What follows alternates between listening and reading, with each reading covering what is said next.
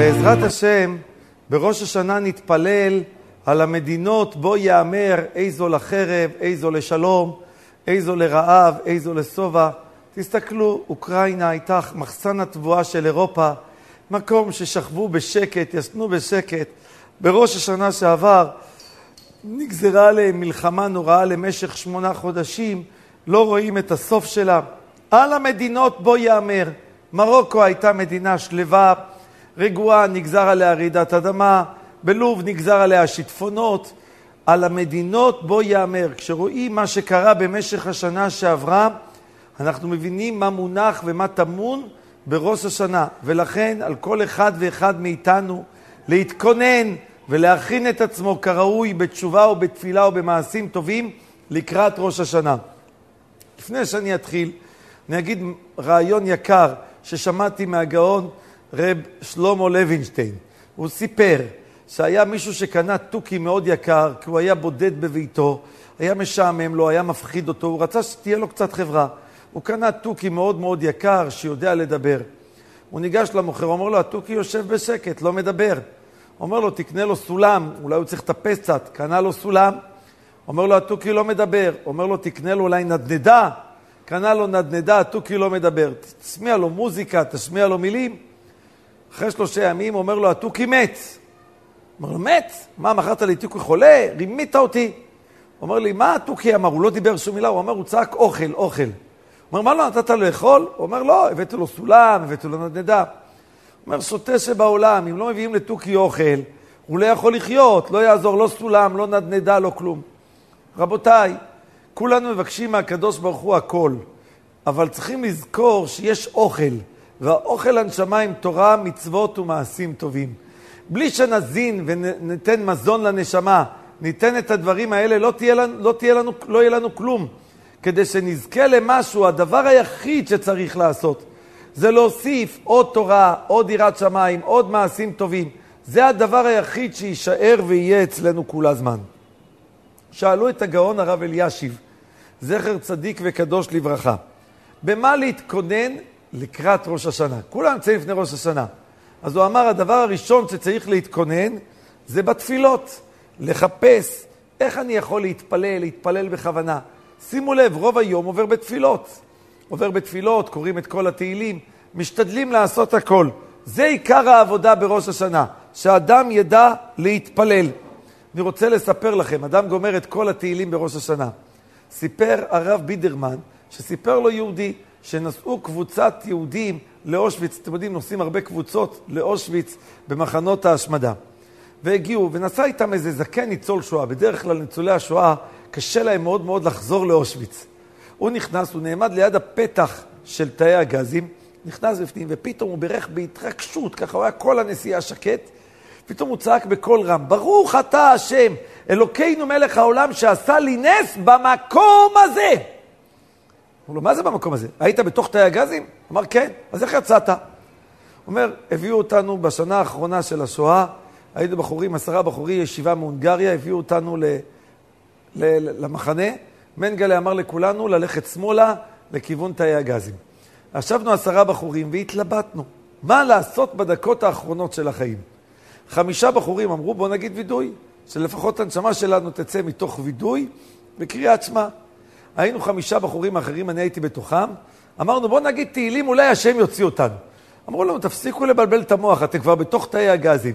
שנים כאן כולם כבר נשרפים. אתם חושבים שיש לכם סיכוי לצאת? הוא אומר, אנחנו הקפדנו, התחלנו להגיד תהילים. כמה פרקי תהילים הספקנו להגיד, אני לא יודע. ודפקנו על הדלת. פתאום איזה מפקד גרמני פותח, הגיעה איזה משאית גדולה שהייתה צריכה לפרוק סחורה לגרמנים, ולא היה להם אה, עובדים שיפרקו את הסחורה. אמר, טוב, כל החמישה פה שנמצאים, שיצאו ראשונים, סגר את הדלתות, הוציא אותנו לפרוק את המשאית. אומר, עבדנו ביעילות, במהירות, הם ראו שאנחנו עובדים יעילים, החליטו להשאיר אותנו בעבודה. אומר, הייתי בתוך מטעי הגזים, ובמקום הזה השם הוציא אותי בזכות כמה פרקי תהילים. הוא אומר, תראה מה זה כוח של פרקי תהילים. תראה מה אדם יכול לעשות. על אחת כמה וכמה שהפרקי תהילים הם בראש השנה. הגמרא בסוף ברכות ונפסק בשולחן ערוך אומרת, שאם אדם פוגש את החבר שלו אחרי 30 יום, חודש שהוא לא פגש, חבר שהוא מאוד שמח לראות אותו, מברך שהחיינו. אם הוא פוגש אותו בסוף השנה, אחרי שנה, הוא מברך ברוך אתה השם אלוקינו מלך העולם מחיי המתים. שואל המהרש"א, למה אומרים מחיי המתים? למה מברכים עליו מחיי המתים? אומר המהרש"א, כי עבר ראש השנה ויום כיפור, והיהודי הזה, גזרו עליו שיחיה עוד, אז גורסים עליו מחיי המתים. שימו לב, לא מברכים ממשיך החיים. זה לא המשך החיים. פשוט היה כאילו מת, והחיו אותו מחדש. מה החיה אותו מחדש? התפילות של ראש השנה. ידוע שכל אלה שלא זוכים להתפלל, מי עוזר להם? הגמרא אומרת שכל התפילות של אלו שמתפללים בבית הכנסת בכוונה, הם גם מסייעים לעם שבשדות. לכל האנשים שהיו אנוסים מלבוא להתפלל, אלה שלא לימדו אותם מה זו תפילה של ראש השנה. אנחנו מתפללים על כל עם ישראל, אנחנו כמו שלוחי ציבור, כל אחד ידע שיש לו אחריות כבדה על הכתפיים. כל עם ישראל כולו נמצא על הכתפיים שלו, כל אותם אלפים ומיליונים שלא זכו להתפלל ולא זוכים להתפלל, הם לא מבינים מה זה ראש השנה. בתפילות שלנו אנחנו מועילים בשבילם, אנחנו פועלים בשבילם. ולכן כל אחד מאיתנו ישתדל להתחזק בתפילה. שימו לב, ראש השנה הוא מלא בתפילות. אוכלים, סימנים. על כל אוכל אומרים סימן, אומרים תפילה. תהילים. זה, מנצלים את כל היום כולו לעוד תפילות, לעוד דברים. אני רוצה להראות לכם מה זה כוח לפעמים של תפילה קצרה או, או ברכה אחת, שאנחנו אומרים, אנחנו לא, לא קולטים את העוצמה. אני אולי אקדים הקדמה כדי שכולנו נבין את זה. השנה בעזרת השם ראש השנה יחול בשבת. אנחנו לא תוקעים בשופר. תחשבו שהשופר הוא הכלי היחיד שלוקח את הקדוש ברוך הוא מכיסא דין ומעביר אותו לכיסא רחמים. מי מעביר את הקדוש ברוך הוא מכיסא דין לכיסא רחמים? שופר. ותשמע טוב, מוותרים על כל התקיעת שופר, על הסנגוריה הנפלאה הזאת של השופר. למה? יש איזה יהודי בטלן, שואלים אותו, שנה שלמה יכלת ללמוד תקיעות. נזכרת רק בראש השנה? שכחתי, כל השנה חיכה לרגע האחרון. והוא יצא, היהודי הזה, בראש השנה עם שופר. בשביל יהודי מסכן אחד, שהוא בטלן ועצלן, בשביל עם הארץ אחד, אנחנו, עם ישראל, מוכנים לוותר את, על הכל. אנחנו מראים כמה אנחנו מחשיבים כל יהודי. כשאתה מראה כמה אתה מחשיב כל יהודי יהיה באשר הוא יהיה, איפה שהוא נמצא, אומר הקדוש ברוך הוא, כזאת מסירות נפש לכם על כל יהודי, אז כל יהודי שמבקש ממני משהו, אם הוא ירא שמיים, עם התפילות שלו ביראת שמיים, על אחת כמה וכמה שאני אקבל את התפילות שלו.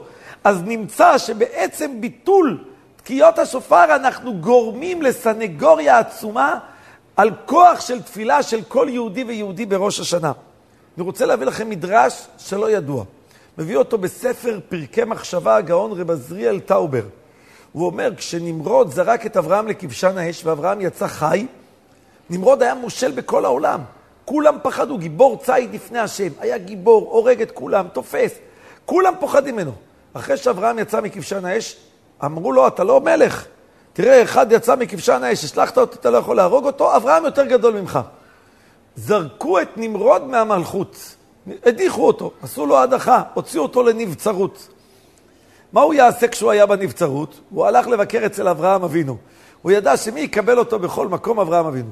וכשהוא ישב אצל אברהם אבינו, אז הוא נתן לו לאכול ולשתות. אברהם אבינו היה לו תנאי, מי שאוכל ושותה אצלי, הוא חייב לברך. נמרוד לא ברך כי הוא האמין בהשם, כי הוא היה הכופר הגדול. הוא ברך כי הוא רצה אוכל, הוא ברך כי הוא רצה שתייה, אבל הוא ברך.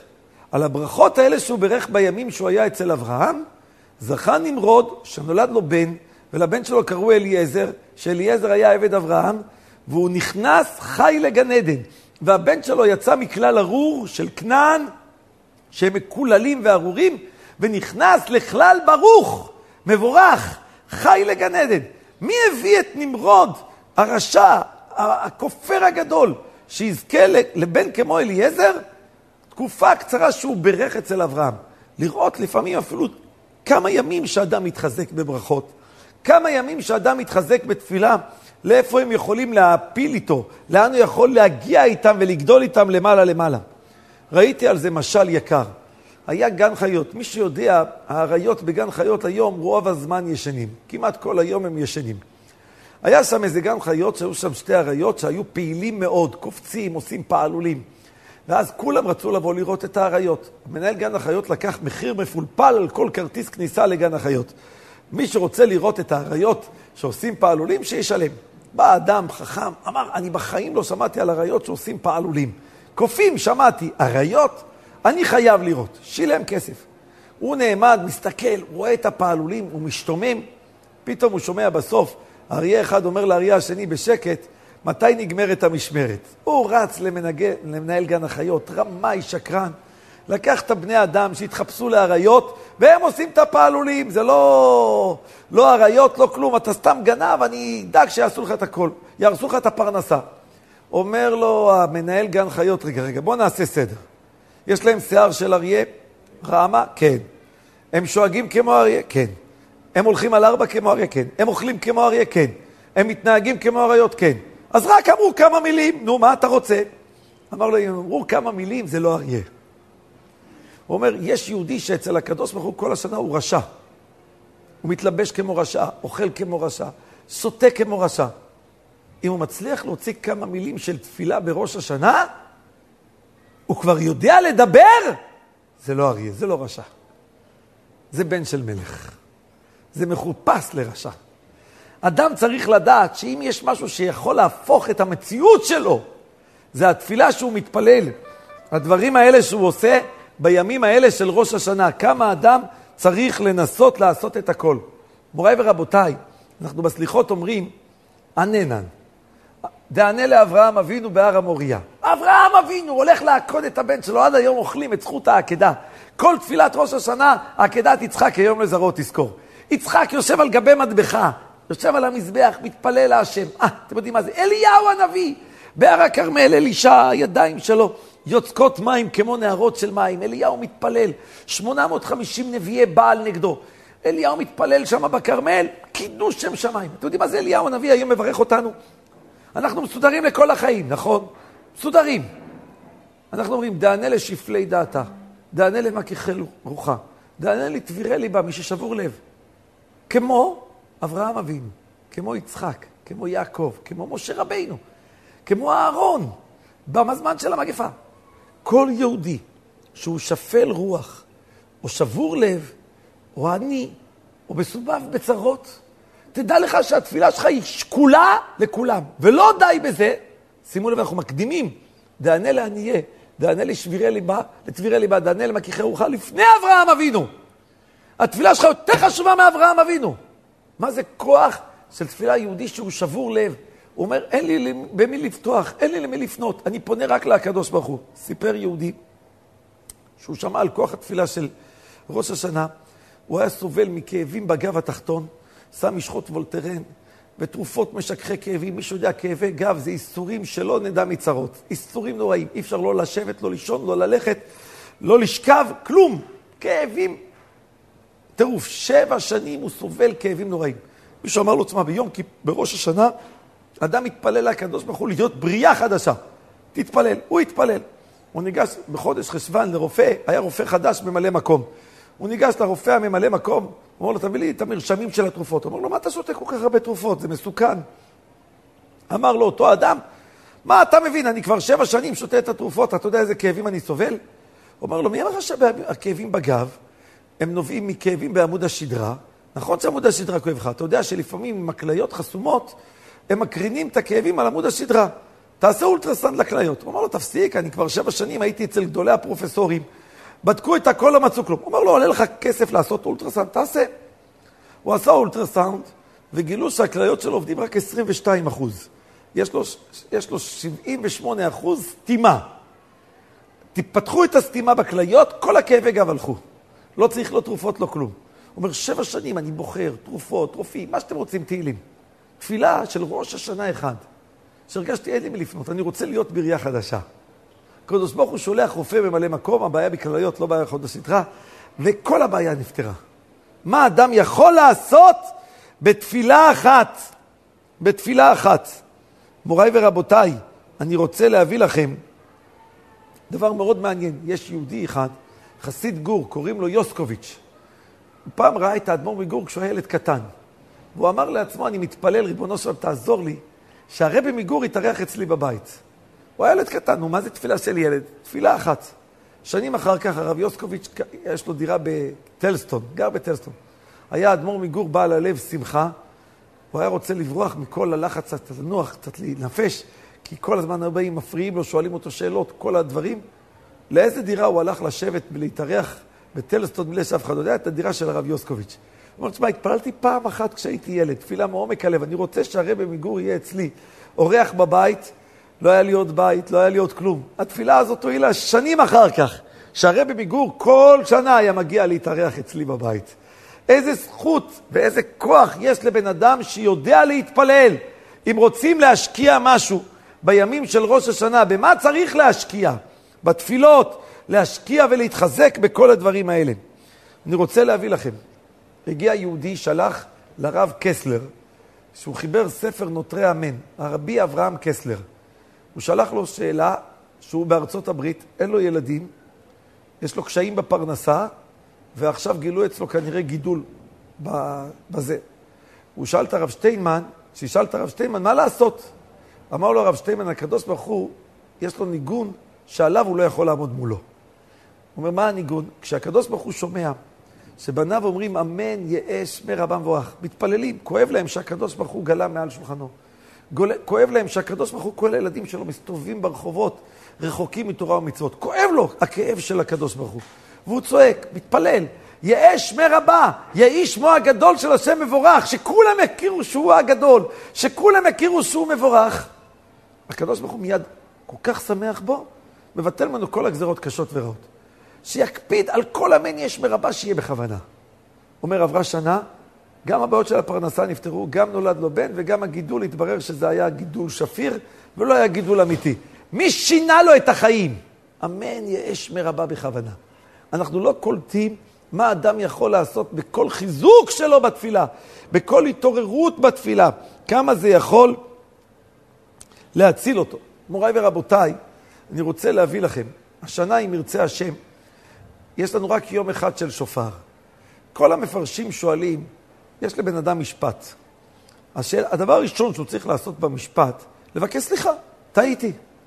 כשאדם מתחיל לתרץ תירוצים, אתה מנסה להתחמק, אתה עוד מתרץ תירוצים, עכשיו אני אלמד אותך לקח.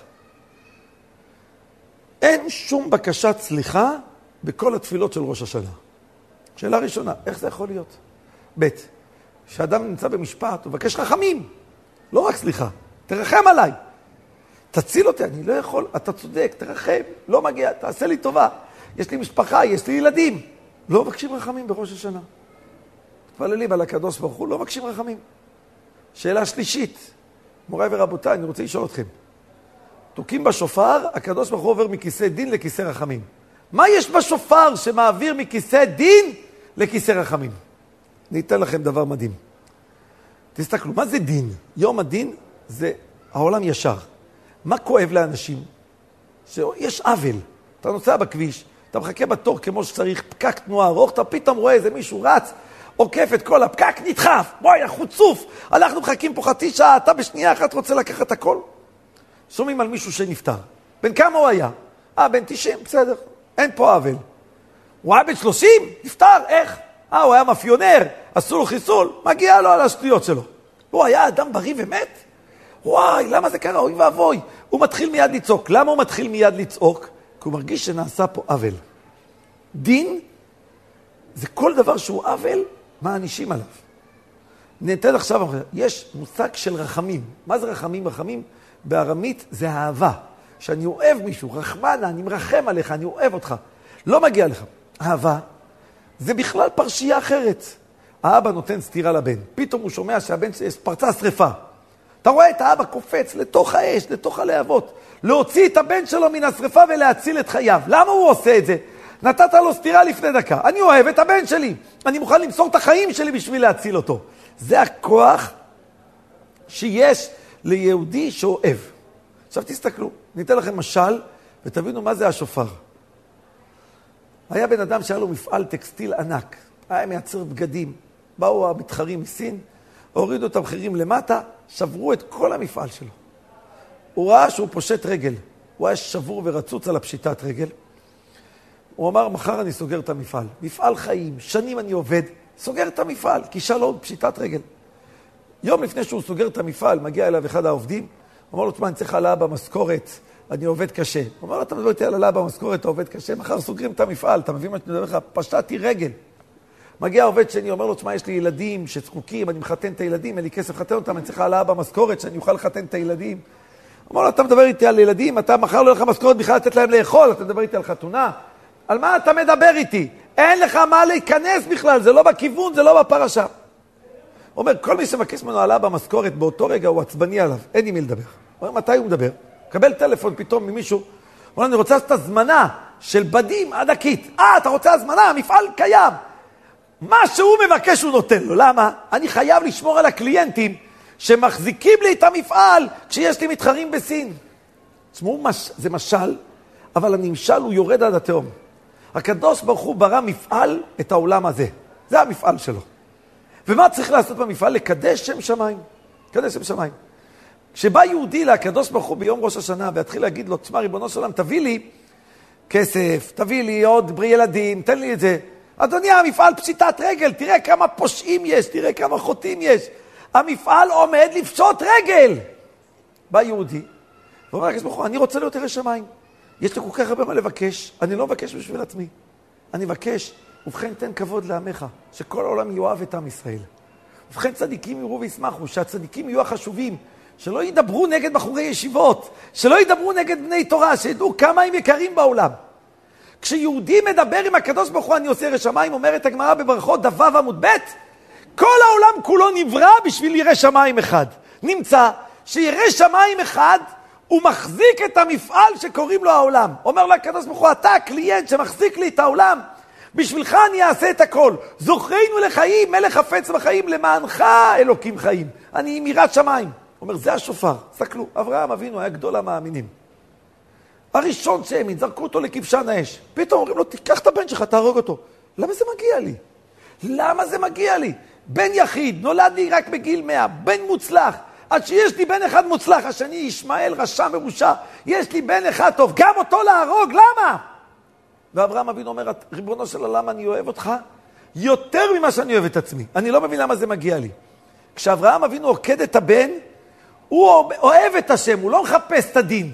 כשלוקחים את השופר, אנחנו מראים להקדוש ברוך הוא, תראה איך אנחנו אוהבים, אנחנו לא רוצים להיות במסלול של דין, אנחנו רוצים להיות במסלול של רחמים, אנחנו רוצים להחזיק את המפעל של הקדוש ברוך הוא בעולם, מפעל של יראת שמיים, מפעל של תורה, מפעל של דברים כאלה. מוריי ורבותיי, אני רוצה לתת לכם שאלה מעניינת מאוד. אני אתן לכם המחשה שכולם יבינו. יש איזה שכן שבונה, שכן שבונה, פתאום לוקח שם איזה אדם יושב בבית שלו למטה, מלכלכים את הבניין, רעש, קונגו, משגע אותנו, והנה השכן שבונה, פתאום לקח איזה לבלוק, הפיל אותו על הגג אזכורית שלי, שבר אותו. מה זה סכנת נפשות? כמעט, כמעט הרגת אותי, כמעט סיכנת את החיים שלי. עשית לי סכנת נפשות בכל הדברים האלה. למה? היה, האבן נופלת, היה מסכן את כל החיים שלי. הוא אומר לו, תשמע טוב, הוא בא, שומע דפיקות בדלת, הוא רואה את השכן מגיע מהדלת, והשכן אומר לו, חטאתי לפניך, הפלתי בלוק עליך, תסלח לי בבקשה, למען השם. אתה שר עוד? אתה שר? אני פה לא מאושש, כמעט הרגת אותי, את אשתי, את הילדים, מה אתה שר? מה שרים בחתן ודרך? אשכנזים גם שרים. ועל כולם, סלח לי, בבקשה, תכפר לי. לא מבין אותך, אתה שר. שמעתי אתמול המחשה מאוד מעניינת. אומר, מי שבא לנקות, יש ארמון של המלך. תשמע, יש חדרים שלא נותנים להיכנס. יש מקום שהמלך שומר עליו, לאף אחד לא נכנס. החדר הפרטי של המלך, לארון קודש, שם נמצאים האוצרות, תשמע, סכנת נפשות, שם לא דורכים. המלך אומר, עליך אני סומך, אתה נכנס לחדר שלי, אתה מנקה לי את הארון קודש שלי. הוא יושב עם המטאטא, רוקד, רוקד ושר. זכיתי לטאטא את הארמון של המלך. כל יהודי הוא ארמון של מלך מלכי המלכים. כל יהודי. כשאתה מנקה את הלב שלו, אתה מנקה את הארמון של המלך. הקדוש ברוך הוא אומר, מכל המיליארדים שבעולם אני לא סומך על אף אחד, אני סומך עליך. על מי אני סומך? על היהודי הזה אני סומך. כשיהודי יודע כמה הקדוש ברוך הוא סומך עליו, כמה הוא אוהב אותו, הוא שר כשהוא מנקה את הלב שלו. הוא שר כשהוא מוריד את כל החטאים ממנו. שנדע את הדברים האלה. אני רוצה לסיים לכם. הגמרא בסנהדרין, דף ע"ז עמוד ב' אומרת, יש ארבע אנשים שהם אומרים, אז תקרא, הם רק מתפללים והשם יענה. מי זה? האוהב את שכניו. תמיד יש לך איזה שכן נודניק, נקץ כזה, שיודע לשבת לך על הוורידים בנקודה המעצבנת שלך. והוא בונה, והוא לא, אף פעם לא שבע, ותמיד רוצה עוד, ותמיד עושה עוד משהו. אתה אוהב את השכן, אתה שותק. אתה שתקת כשכאב לך, אז תקרא, אתה רק מדבר איתי, השם יענה. השני מקרב את קרוביו. יש אדם מסוגל לעשות חסד עם כל העולם. עם אשתו, האישה עם בעלה, היא תעשה עם כל העולם. אישה עם בעלה, שב בשקט, תזיז את עצמך, תעבוד. מה נראה שאני משרתת פה? והוא אומר לה, מה נראה לך שאני פה רק הגעתי עכשיו מהעבודה? תני לי קצת כבוד, תני לי... אדון יקר, המקרב את קרוביו. השלישי נושא את בת אחותו, זה פחות מצוי היום. הרביעי, אתם יודעים מה זה הרביעי? המקרב את קרוביו, והרי נותן הלוואה לעני בשעת דוחקו. או שעני דחוק, אתה רואה מישהו במצב קשה, אתה עוזר לו, או כשאתה דחוק, הוא בא לבקש לך הלוואה. אבל עכשיו לא במצב הטוב שלי. אתה נותן לעני בשעת דוחקו? ראית את השני כשלך קשה? אומר הקדוש ברוך הוא, אז תקרא, רק תקרא אליי, והשם יענה. אני במקום עונה לך. כולנו רוצים שהתפילות שלנו יתקבלו בראש השנה. צריכים לדעת, להתחזק בדברים האלה. שיש שלום בין השכנים, שיהיה אהבה בין הקרובים. יש משפחות מתפרקות בגלל מלחמות על ירושה. מקרב את קרוביו. אוהב את ה... בבית כולם יושבים בשלום, באהבה ואחווה. הדבר השלישי, לעבוד על הנקודה הזאת, מלווה לעני בשעת תוכקו. רואים מישהו בצרה, מגייסים את עצמנו, עוזרים לו, נותנים לו את כל הכוח. אם נדע כולנו לעשות את הדברים האלה, נזכה שבעזרת השם, הקדוש ברוך הוא ייתן לכולנו שנה טובה, כתיבה וחתימה טובה. אם ירצה השם, כל אחד ידע את הכוח של התפילה שלו. אל תתייאש, תדע שהשם שומע רק אותך. לא מעניין אותו גם אם האחרים מתפללים, האחרים לא מתפללים, מה קורה בבית הכנסת לא מעניין אותו. הקדוש ברוך הוא יש לו קו ישיר, טלפון פרטי לכל אחד ואחד מאיתנו. לא מעניין מה קורה מסביב. ולכן האדם לא צריך להתייחס למה שקורה מסביב. כשעושים מכירות בבית הכנסת, זה קידוש שם שמיים, שאנשים מוכנים לשלם בשביל מצווה, וכמה שקונים. אבל אתה קונה, קונה.